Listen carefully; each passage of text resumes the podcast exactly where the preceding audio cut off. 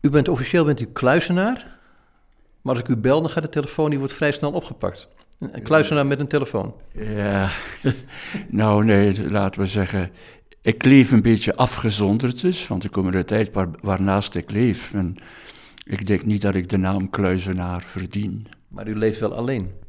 Ja, ik leef alleen dus. Ik ben Hans dag alleen, uh, behalve, behalve voor de vespers, dus het avondofficie ga ik, kom ik even buiten en ga ik bij de zusters dus met het avondofficie bidden.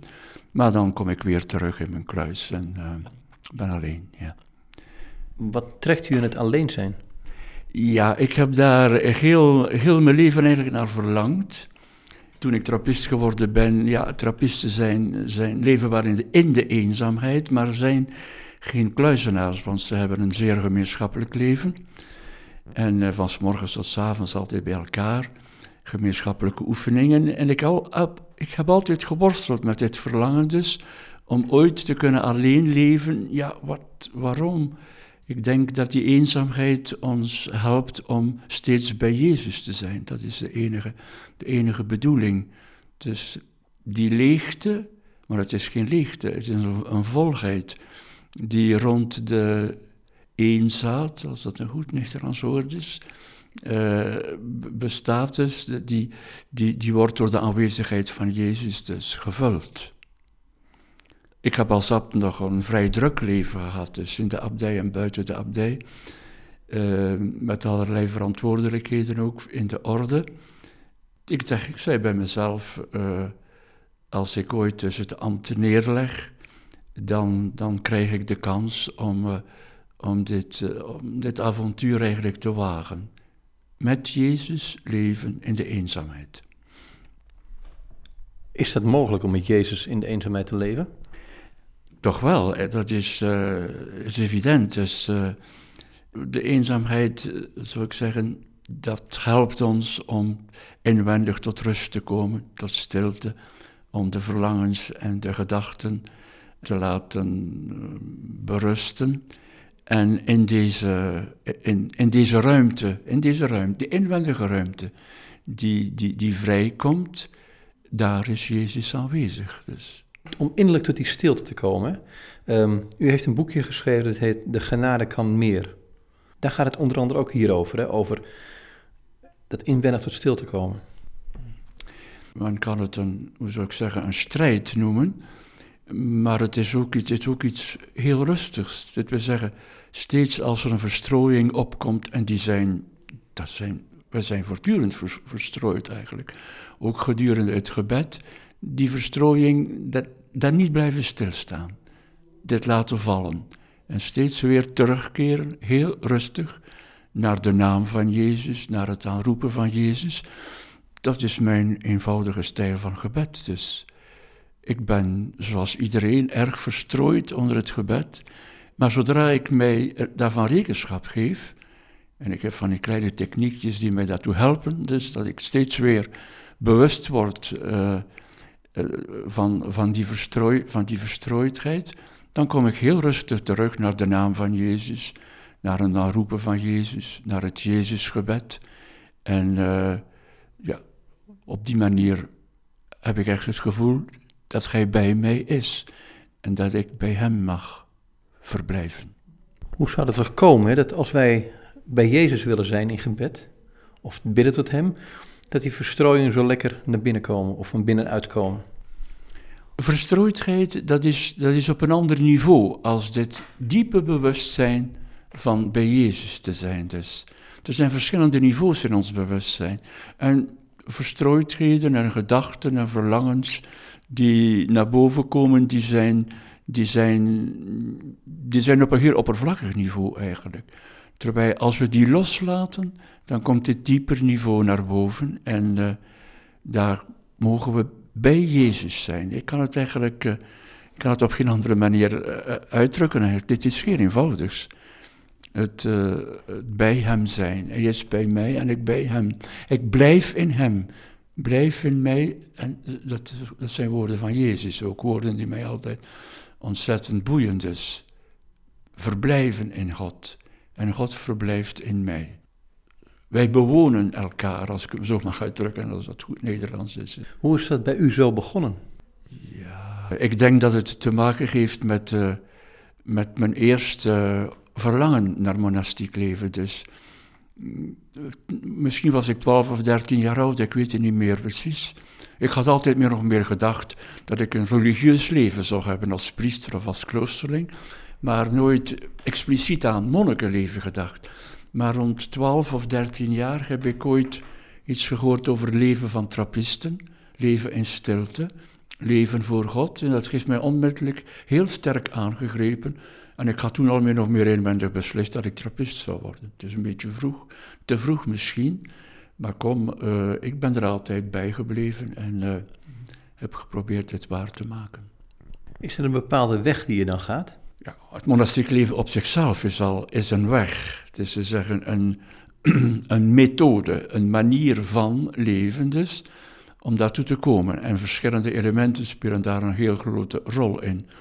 Op de eerste plaats denk ik dus het woord van God. Dus in de Bijbel, in de liturgie, het elke dag luisteren naar Gods woord in de Bijbel. Ik heb elke dag, goddank, heb ik elke dag nu de tijd om een, eh, goed oog, een hele tijd te nemen om verschillende brokken uit het Oude en het Nieuwe Testament te, te lezen, rustig, en bij mij te laten, hoe zou ik zeggen, doordrenken, ja, dat ik, dat, dat, tot ik iets voel inwendig, totdat er een, een zou ik zeggen, dat er iets opspringt in mijn hart. Dus mijn hart dat levend wordt, dat warm wordt. Ik aanvaard dit altijd als een, als een boodschap, als een boodschap van de Heer. U noemt het in het boek als een van, een van de, de, de, de basisgegevens van uh, geestelijk leven, gewoon het een woord. Het uh, luisteren naar de Bijbel, dat is voor mij dat is een, een basisgegeven. Luisteren in stilte, in ingetogenheid. Uh, ja, op die manier luisteren. En dan met de woorden die elke dag levend geworden zijn onder deze lezing, verder leven de dag door. En daarvan een gebed maken bijvoorbeeld. Mijn gebed inspireert zich gewoonlijk door een of andere woord uit het evangelie, of uit het hooglied, of uit de brieven van Paulus, of uit het Oude Testament ook, die ik uh, elke dag dus leef. Bestuderen is niet het woord, beluisteren laten we zeggen. Dus ik heb altijd een brok uit het Oude Testament, altijd een hoofdstuk uit het Hooglied, want het is mijn, daar voel ik, voel ik me helemaal, eh, vind ik me helemaal in terug. Dan ook een, altijd één hoofdstuk uit een van de vier evangelies. En dan ook een brok uit de rest van het Nieuwe Testament. Dat zijn mijn vier, mijn vier lezingen uit de Heilige Schrift elke dag. Dan kan ik me voorstellen dat je zo'n stuk leest, een hoofdstuk leest, en eigenlijk zijn je gedachten mijlen ver weg. Ja, inderdaad, dat is altijd mogelijk. Maar als je. Uh, het is niet hetzelfde, het is veel gemakkelijker verstrooid te zijn gedurende het gebed. Maar als je iets leest, dan heb je een tekst voor je. En omdat ik niet te gemakkelijk zou verstrooid zijn, ik heb er een kleine techniek op na te zeggen, ik lees altijd in vreemde talen. Ik heb altijd uh, veel talen kunnen, kunnen bestuderen. Door het feit dat ik die lees in een vreemde taal, ben ik eigenlijk verplicht om aandachtig te zijn. Dus neem nu het evangelie, lees ik altijd in het Aramees. Dus, dus wat is het waarschijnlijk de grondtekst geweest voor het Grieks. De boeken van het, Oude, van het Nieuwe Testament lees ik in het Grieks. Het Oude Testament, uh, ofwel in het Hebreeuws, ofwel in, uh, in moderne talen die ik een beetje ken. Dus uh, Spaans of Russisch of ja. Maar goed, ik, ik ben een simpele Nederlander die het Nederlands beheerst, dus een Nederlandse Bijbel leest. Ehm, toch gebeurt het mij dat ik, ik kan rustig een stukken lezen en dan denk ik van, ging het ook eigenlijk ook weer over? Vraagt het een andere instelling van mij? Het is te zeggen, ik, uh, ik begin die lezing altijd met een uh, innig en intens aanroepen van de Heilige Geest. Dus ik denk dat ik zijn hulp nodig heb om iets te begrijpen, om aandachtig te kunnen zijn en uh, om bij de tekst te blijven dus. Maar ik moet zeggen, als ik, als ik dat mag lezen, ik heb zelf geen, geen last van verstrooidheid. Alleen maar moet ik af en toe mijn, mijn woordenboek raad, raadplegen als ik, uh, als ik voor, een, voor een onbekende uitdrukking kom. Dus Maar nu met een, dus ik, moet zeggen, ook, ik lees, uh, u zou zeggen dat ik een heel moderne kluizenaar ben, maar ik, lees ook op het scherm van mijn computer. Dus je hebt Bible Online, waar je een keuze hebt tussen heel wat talen. Dus, en uh, je kunt éénzelfde vers op het scherm van de computer in zes, zeven, acht verschillende talen, de een onder het andere. Dus als je in één taal vastzit, dan kun je gaan kijken naar uh, hoe de vertaling luidt in een andere taal. Ik heb, ik heb geen. Ik heb maar één Nederlandse tekst, maar ik, ik volg die altijd van de. Het is de Statenbijbel, heb ik. Misschien eigenaardig voor een katholiek, maar het is de enige Nederlandse tekst waarover ik beschik. Ik zou wel andere teksten kunnen hebben, maar ik heb, eh, ik heb verschillende Franse teksten. En, uh, hm. Wat is het doel van het Bijbellezen? De stem van God te horen dus. Wij zeggen de Bijbel is geïnspireerd. Dat wil niet alleen zeggen wat men vaak, en dat is maar een, dat is geen goede opvatting, het is een heel, uh, hoe zou ik zeggen, begrensde, afgeknotte opvatting van inspiratie. Als je zegt, de auteur die de Bijbel geschreven heeft, die was geïnspireerd door de Heilige Geest. Volledig akkoord. Maar ik denk vandaag ook nog is de tekst van de Bijbel geïnspireerd. Dus de, de Heilige Geest is daar werkzaam. En als ik luister vanuit mijn hart op een zekere diepte van mezelf, dus, en daar hoor ik opnieuw Gods stem die tot mij spreekt. Dat luisteren, uh, wat is dat precies? Openstaan. Niet vooraf weten wat er zal gezegd worden. Dus ik mag ook exegese bedrijven, en, bedrijven ja. En ik heb vroeger dus, uh, ik heb vroeger dus als jonge monnik, had mijn ab me gestuurd naar Rome aan de Bijbelinstituut. Dus ik heb, ik, ik heb een zekere exegetische vorming, godzijdank. Maar uh, dat is niet wat ik doe op het ogenblik dat ik naar de Bijbel luister.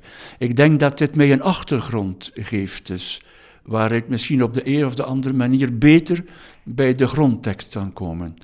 Maar uh, het belangrijke is dat die tekst opnieuw aan mij gaat spreken. Vandaag, vandaag de dag, spreekt de Heilige Geest opnieuw tot mij. Als ik alleen luister, en ook heel speciaal als ik de Bijbel beluister in de liturgie. Want daar spreekt de geest op de eerste plaats, dus in de kerk, daar waar een kerkgemeenschap samenkomt. En in mijn eenzaamheid ga ik daar verder op door. Is het lezen van het woord ook een zoeken naar Jezus? Dus hij is het die mij de Bijbel zal uitleggen. Ik denk altijd aan de woorden dus van de, de twee leerlingen van Emmaus, toen Jezus dus plots verdwenen was. Hij had wat naast hen gewandeld, ze hadden samen de Bijbel gelezen en uh, hij had de Bijbel geïnterpreteerd voor hen. En zij zegt dan achteraf, dus was ons hart niet brandend van binnen toen hij ons de schrift uitlegde onderweg. Dus ik denk dat is de taak van Jezus. Hij legt mij de schrift uit.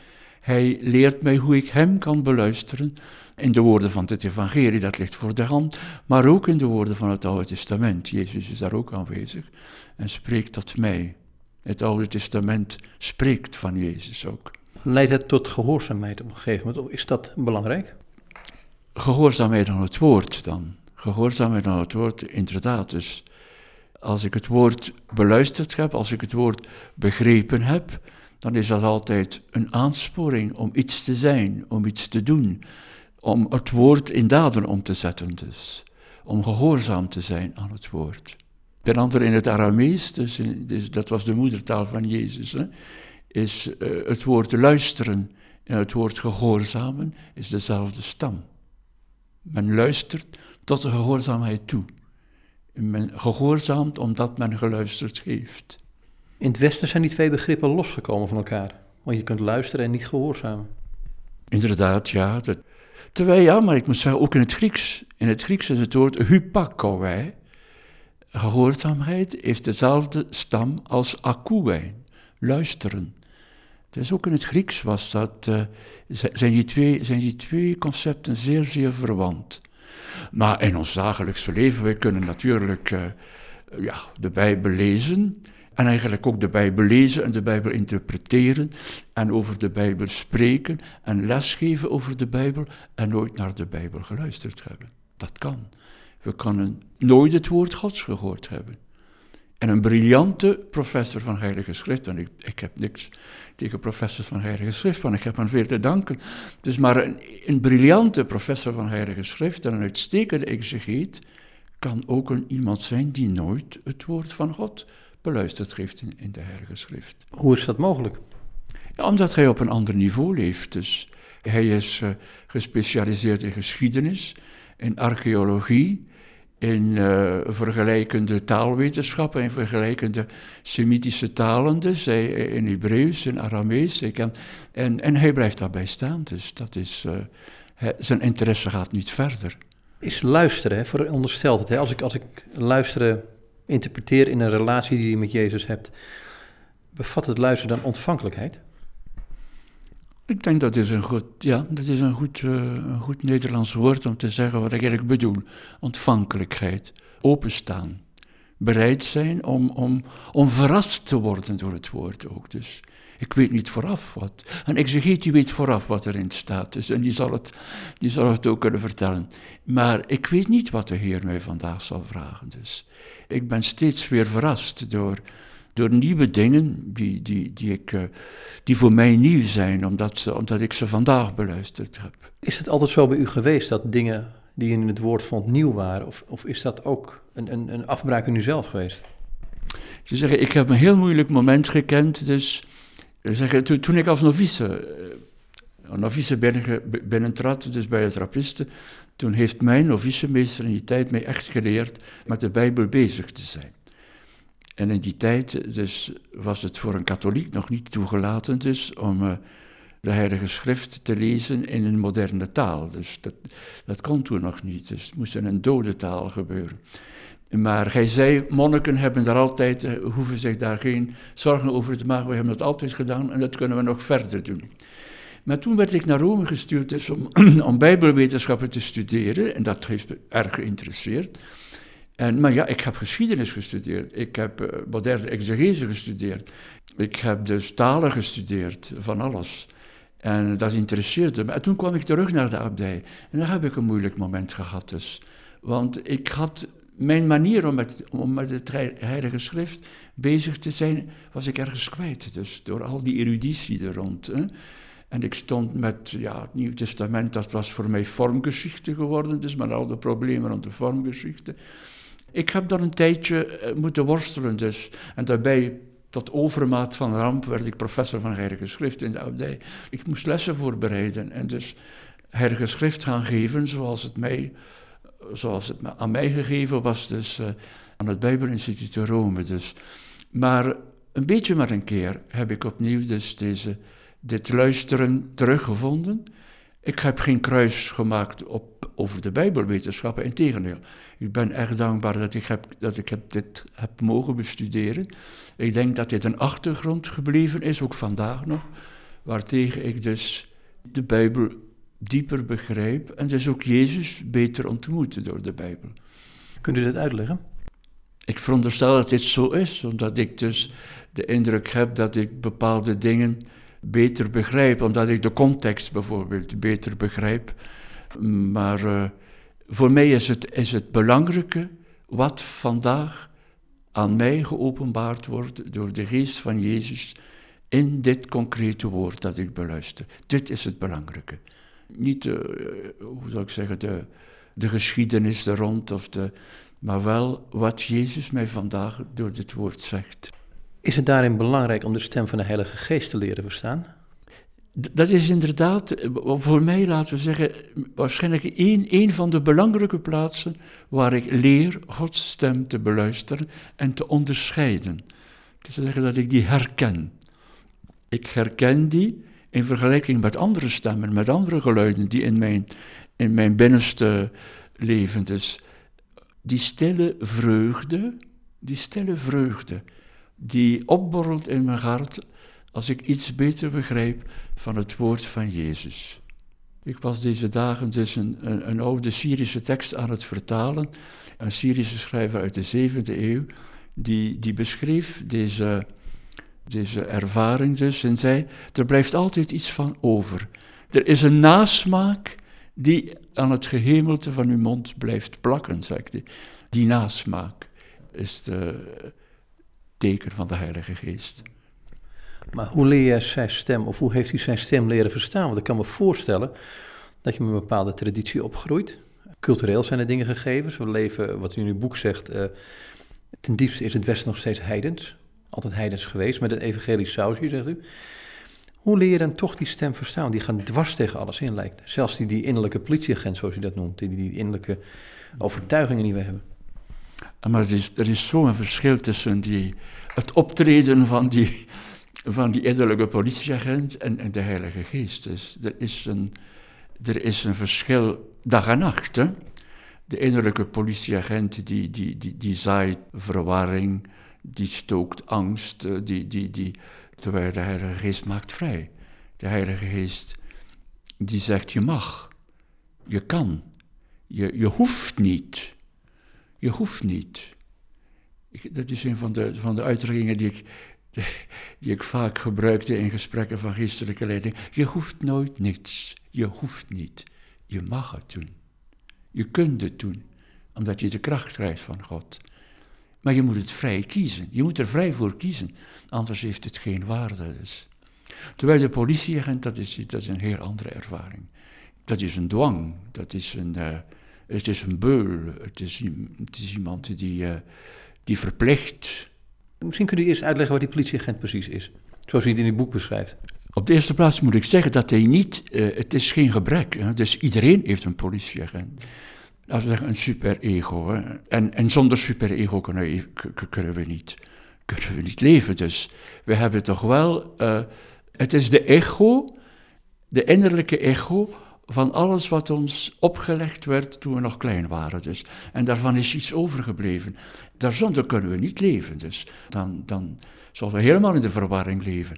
Maar het ziekelijke is als dat, als dat eh, zich te sterk ontwikkelt, dus en, heel mijn, mijn handel en wandel zal determineren. Dus, en nee, dat, dat kan niet. De innerlijke politieagent op zichzelf is, geen, is een plus eigenlijk. Dus. Maar daar waar hij ziekelijk wordt en, en alles overheerst, dan, dat, dan kan de geest niet meer naar boven komen. Dus dan wordt hij uitgedoofd. Dan wordt hij, ik zou zeggen, gewurgd, hè? maar hij kan zich niet meer laten horen. Dus en, de, en de mens wordt helemaal geleid door die politieagent. Dus, uh, angstig, wordt scrupulant enzovoort. Dus dat is... Uh, kan, het ook, kan het ook zijn dat je, dat je heel erg christelijk traditioneel bent en heel star daarin wordt? dat, dat je daardoor niet tot die vrijheid komt?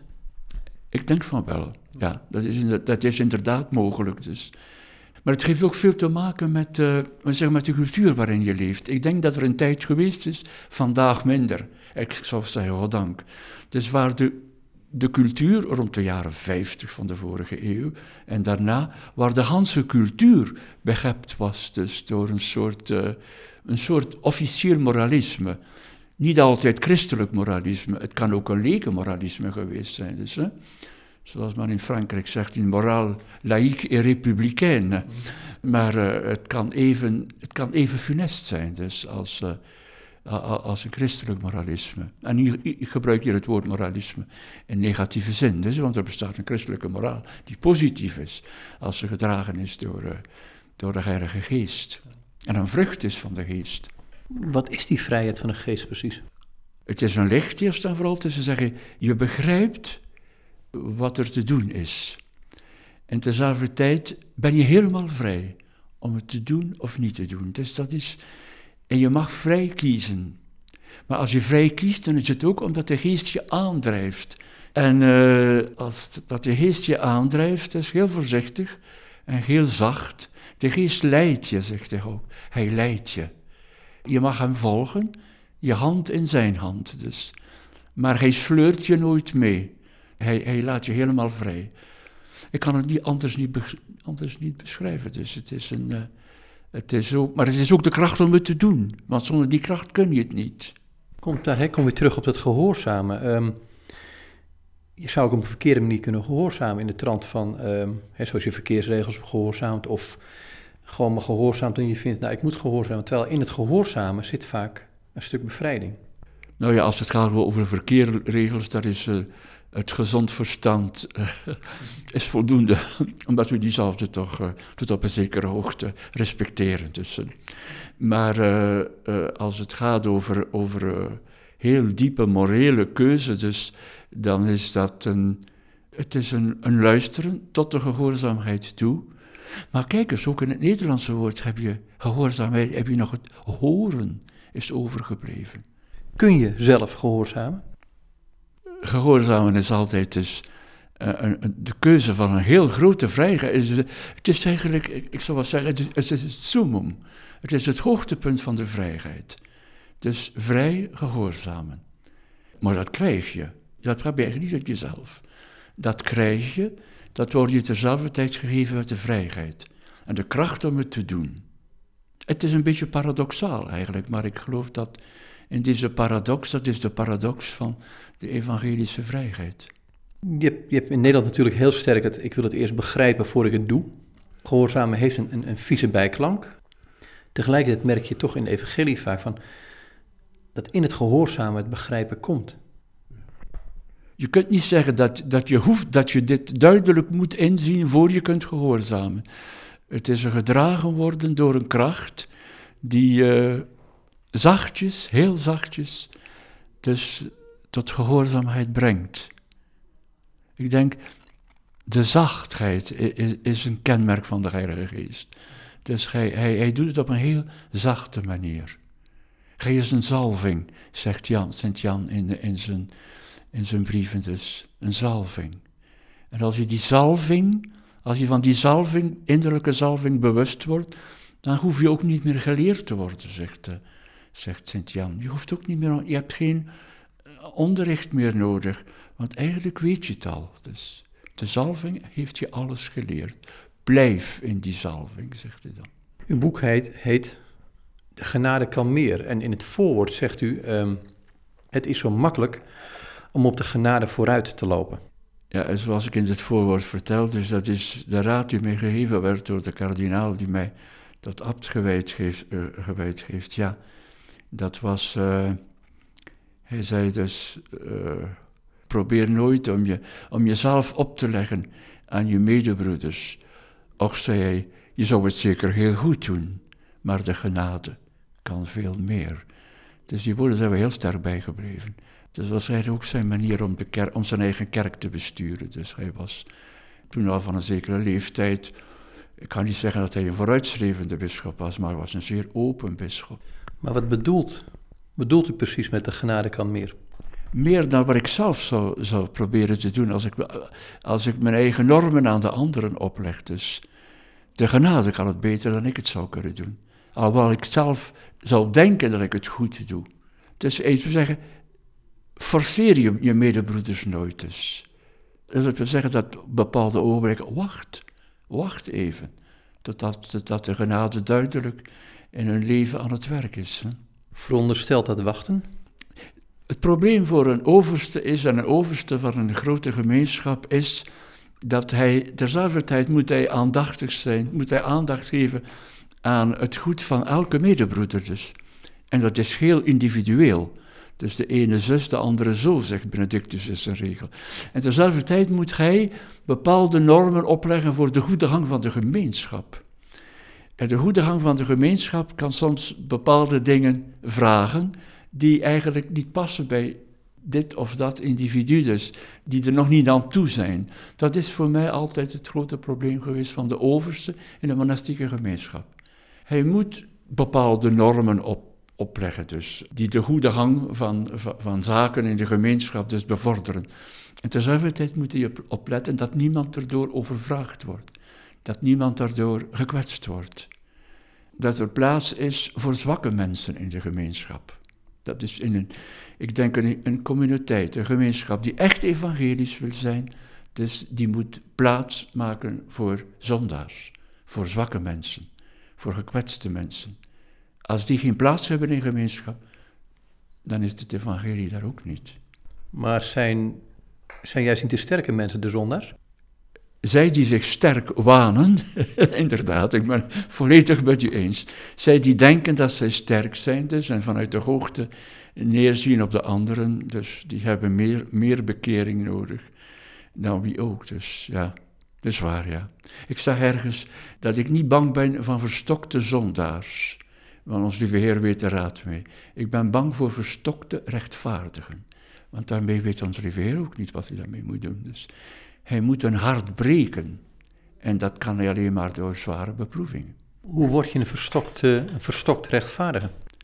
Eigenlijk dat zijn mensen die, zich, die helemaal van hun politieagent afhangen. Dus, en die door een superego uh, aangedreven worden en niet door de Heilige Geest. Als ze maar uh, beantwoorden aan een bepaald schema, aan bepaalde normen, zijn ze tevreden over zichzelf. Dat is het, het beeld van de fariseërs in het evangelie van Lucas. Die denken dat ze rechtvaardig zijn en vanuit de hoogte neerzien op de zondaars. Als zo iemand, als zo iemand nou zondigt en weer tot bekering komt, komt hij tot bekering, zo iemand tot zijn eigen beeld van wat het hoort te zijn? Of komt hij werkelijk tot een werkelijk berouw naar God toe? Als het gaat om een echte bekering, dan als een echte bekering. En niet omdat hij dus min of meer opnieuw door een, uh, door een vloed van schrupels uh, bevangen wordt, maar door een echte bekering, dan komt hij bij de Heer terecht. Dus, want dat kan alleen maar de genade.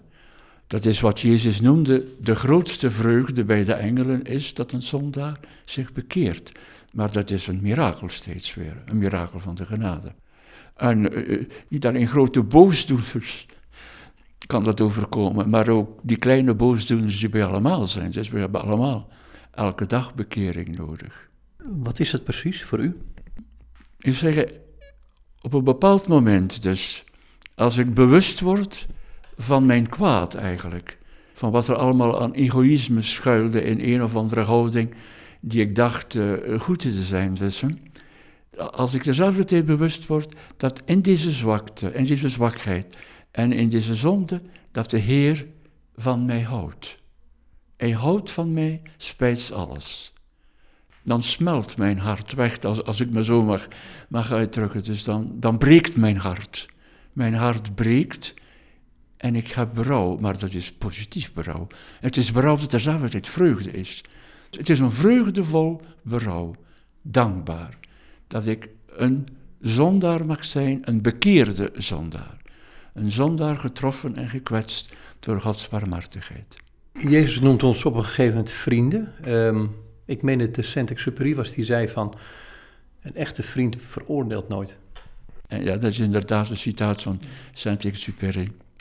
Maar Jezus veroordeelt niet. Hij zegt hetzelfde. Ik ben niet gekomen, zegt hij, om te veroordelen. Ik kom om leven te geven. En overvloedig leven te geven. Ik kom om te redden, om te vergeven. Dus hij, hij, hij veroordeelt niet. Wat is het beeld wat Jezus geeft van God? Dus wat hij zelf geweest is, ik denk aan, aan deze scène, de scène van de, van de, de verloren zoon. Dus die zich wil beschuldigen en de vader stopt hem onmiddellijk. Nee, niet de moeite. Dus hij, hij, hij is al lang vergeven. Het beeld van Jezus tegenover de overspelige vrouw. Niemand heeft die veroordeeld. Ik ook niet, zegt Jezus. Ik veroordeel u ook niet. Ga en zondig niet meer. En zondig niet meer, dat wil zeggen niet uit trouw aan een bepaalde norm, maar zondig niet meer ik denk dat deze overspelige vrouw, opgevangen in de barmhartige blik van Jezus, dat, dat, wat haar daar gebeurd is, is de garantie dat zij eigenlijk meer, ik zal zeggen, niet meer kan zondigen. Zij staat in deze blik van Jezus en dat is voldoende. Zij kan niet meer zondigen. Niet omdat ze nu edelmoediger geworden is dan verdien, nee. Zij is even zwak als verdien. Maar ze heeft Jezus blik ontmoet. En dat is voldoende. Is dat niet het frustrerende van het omgaan met Jezus? Dat die ene blik van hem genoeg is. En waarom zou dit frustrerend zijn? Want er is een nasmaak. En die duurt, die duurt weken en weken en dagen en dagen. Dus, uh, dus wij, leven altijd tussen een. In, in deze geestelijke ervaring. Dus wij, wij leven halfweg tussen een hoe zeg je dat, een souvenir, een, een, een gedachte. Een herinnering aan wat er van Jezus aan ons gebeurd is. En aan het verlangen, het intense verlangen, dat dit opnieuw zou mogen gebeuren. Dat is onze ervaring. Wij leven tussen die twee. Het gebeurt niet voortdurend, maar het is ooit gebeurd. En omdat het ooit gebeurd is, is er iets in mijn leven dat niet meer kan veranderen. Dus ik ben, uh, ja, het is een heel zachte, zoete herinnering. En daarom verlang ik, ik verlang zoveel ik kan, dat het opnieuw zou mogen gebeuren. U beschrijft in uw boek beschrijft u God als zowel vader als moeder. Ja, ik denk dat die twee menselijke werkelijkheden, dus die er zijn omdat normaal uh, een, een, kind dus gezond zou kunnen op, opgroeien, die zijn alle twee in, uh, in, in, in God aanwezig. En die zijn eigenlijk een teken van God een echo van wat er in God bestaat. Maar omdat het in God zo bestaat op een zo buitengewone manier, is het niet mogelijk dat één man, man of één vrouw alleen de twee zou kunnen doen. Dus, dus het godsbeeld is, is, is gebroken, en gebroken is open, open, opengesprongen in twee verschillende beelden. De moeder, de zachtheid, de liefde, de tederheid en de vader, ik, als ik de vader wil uh, definiëren, dan gebruik ik graag het Nederlandse woord stoerheid. Een vader is stoer. Je kunt tegen hem aanleunen. Dus hij geeft de richting aan ook. Je kunt op hem rekenen.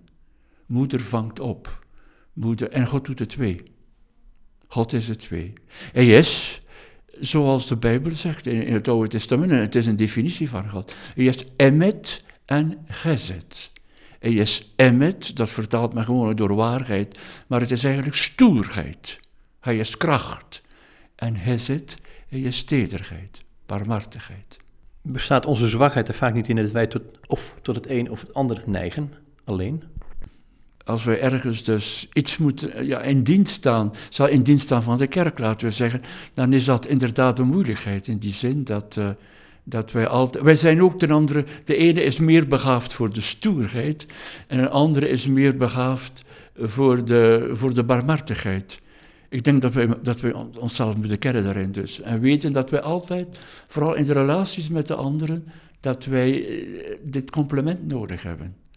Als ik een neiging heb tot stoerheid, heb ik iemand nodig naast mij die kan opvangen. En als ik te grote nederig en te grote begaafdheid heb om op te vangen en te luisteren, dan heb ik iemand naast mij nodig die kan richting geven. Dus goed bepalen wat, wat er nodig is en niet. De weg wijzen. U zegt, als ik mezelf goed leer kennen, is het überhaupt mogelijk om jezelf goed te kennen? Ik denk dat wij onszelf leren kennen uit, uh, uit, uit onze flaters.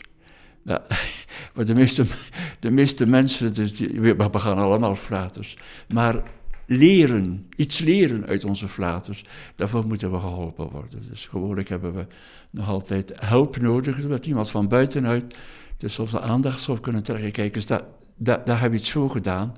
Eigenlijk beantwoordde dit niet aan wat de situatie vroeg, of wat die man of die vrouw vroeg dus. En je bent er weer ingetrapt omdat jij speciaal begaafd bent hiervoor of daarvoor. Dus uh, ik heb als abt veel moeten leren op dat gebied. Dus goddank had ik een paar mensen naast mij die mij af en toe attent maakten op mijn, op mijn flaters, op mijn fouten. Is wat dat betreft een abt zijn hè, en in een close gemeenschap leven misschien wel uh, zo moeilijk als een huwelijk? Ja, uh, hoe een huwelijk moeilijk is, daar heb ik, geen, heb ik niet de ik had, Dat had ik ook niet verwacht. ja, daar, heb ik niet de minste ervaring van. Dus, maar uh, het is inderdaad een heel moeilijke... Het is inderdaad... Het is een mooie opgave, hoor. Ik heb het, ik heb het graag gedaan. Ik heb er zelf veel aan geleerd over mezelf. Ook een beetje over de anderen. Misschien heb ik ook anderen kunnen helpen. Maar het is geen gemakkelijke opgave, inderdaad. Dus. En ik heb veel geleerd door, door de hulp van twee bevriende psychologen of psychiaters. Die me heel vaak dus uh, op een betere weg gezet hebben. Ja. Een voorbeeld? Ja, wij hadden de gewoonte om met een kleine groep, onder de leiding van een van die twee psychiaters, af en toe um, het psychodrama. Wij zoeken een thema uit en het thema wordt in een rol gespeeld op een gegeven moment. dat de psychiater het, spel stopt, soms heel vlug, en dan analyseert hij wat er gebeurd is. Want iedereen in de rol die hij toebedeeld kreeg, speelt zijn eigen probleem. Dus hij kan niet anders. Dus uh, vandaag hadden wij als thema gekozen, dus de verloren zoon. Er moest een vader voor zijn, dus uh, de medebroeder zegt, nou, dat kan de abt doen, goed. Ik zou dan de vader spelen van de en er was een verloren zoon en een oudste broer. En toen zei de psycholoog, maar er is ook een moeder bij niet in het evangelie. Ja, en wie zou de moeder zijn? Nou ja, wie wil de moeder zijn? Nee, zei de dokter. Dan moet de, de vader kiest de moeder. Ik kwam, ik kwam in een moeilijk parket terecht natuurlijk. maar gelukkig was er in de groep was er een, uh, was er andere Nederlander, was er een trappist uit Nederland die bij ons theologie studeerde. Dat was geen van mijn eigen monniken. Dus ik nam hem als, uh, als moeder. dus we hebben dat gespeeld. En toen kwam de analyse. En toen zeggen, al, zeggen de broeders, oh, ze, vader Abt is geweldig geweest. Wat zouden we willen dat hij altijd zo zou zijn, dus in zijn beleid. Ik dacht, wat, wat, betekent dit? Dus wat, wat bedoelt het? Oh, zei de dokter, ik zal achteraf dus dit met de abt wel bepraten, zei hij. Dus, en toen kreeg ik zijn uitleg. Hij zei, wat, wat, wat, ben, wat bent u geweest, zegt hij in het spel. Je bent echt vader geweest. Waarom? Omdat er een moeder naast je stond. Hij speelde het ook heel goed. En die behoefte om ook moeder te zijn, die was als het ware. Uh, die, die was geïncarneerd in, in, in, die, in die moeder naast je. Dus jij wordt helemaal vrij om duidelijk de richting aan te geven. En dit vragen de broeders, zegt hij. Dat de abt stoer zou zijn. en niet terzelfde tijd vader en moeder werden. Dat, is, dat inzicht heeft me heel veel geholpen om later dus bij andere beslissingen, als ik te lang aarzelde, want het gebeurde mij vaak, en ik aarzelde te lang omdat ik die keuze niet kon maken. Dus ik wou de twee zijn. En in een, in een communiteit heb je altijd andere mensen aanwezig die de complementaire rol kunnen spelen. Naast de abt speelt een heel grote rol soms de prior, de tweede overste dus, die, die soms zeer begaafd is om de complementaire rol te spelen, waar iedereen bij terecht kan, ook als ze niet meer bij de abt durven komen. Dus, en, uh, maar uh, ook de geestelijke leiders ook, dus wat wij dan noemen bij ons de biechtvaders. Hè?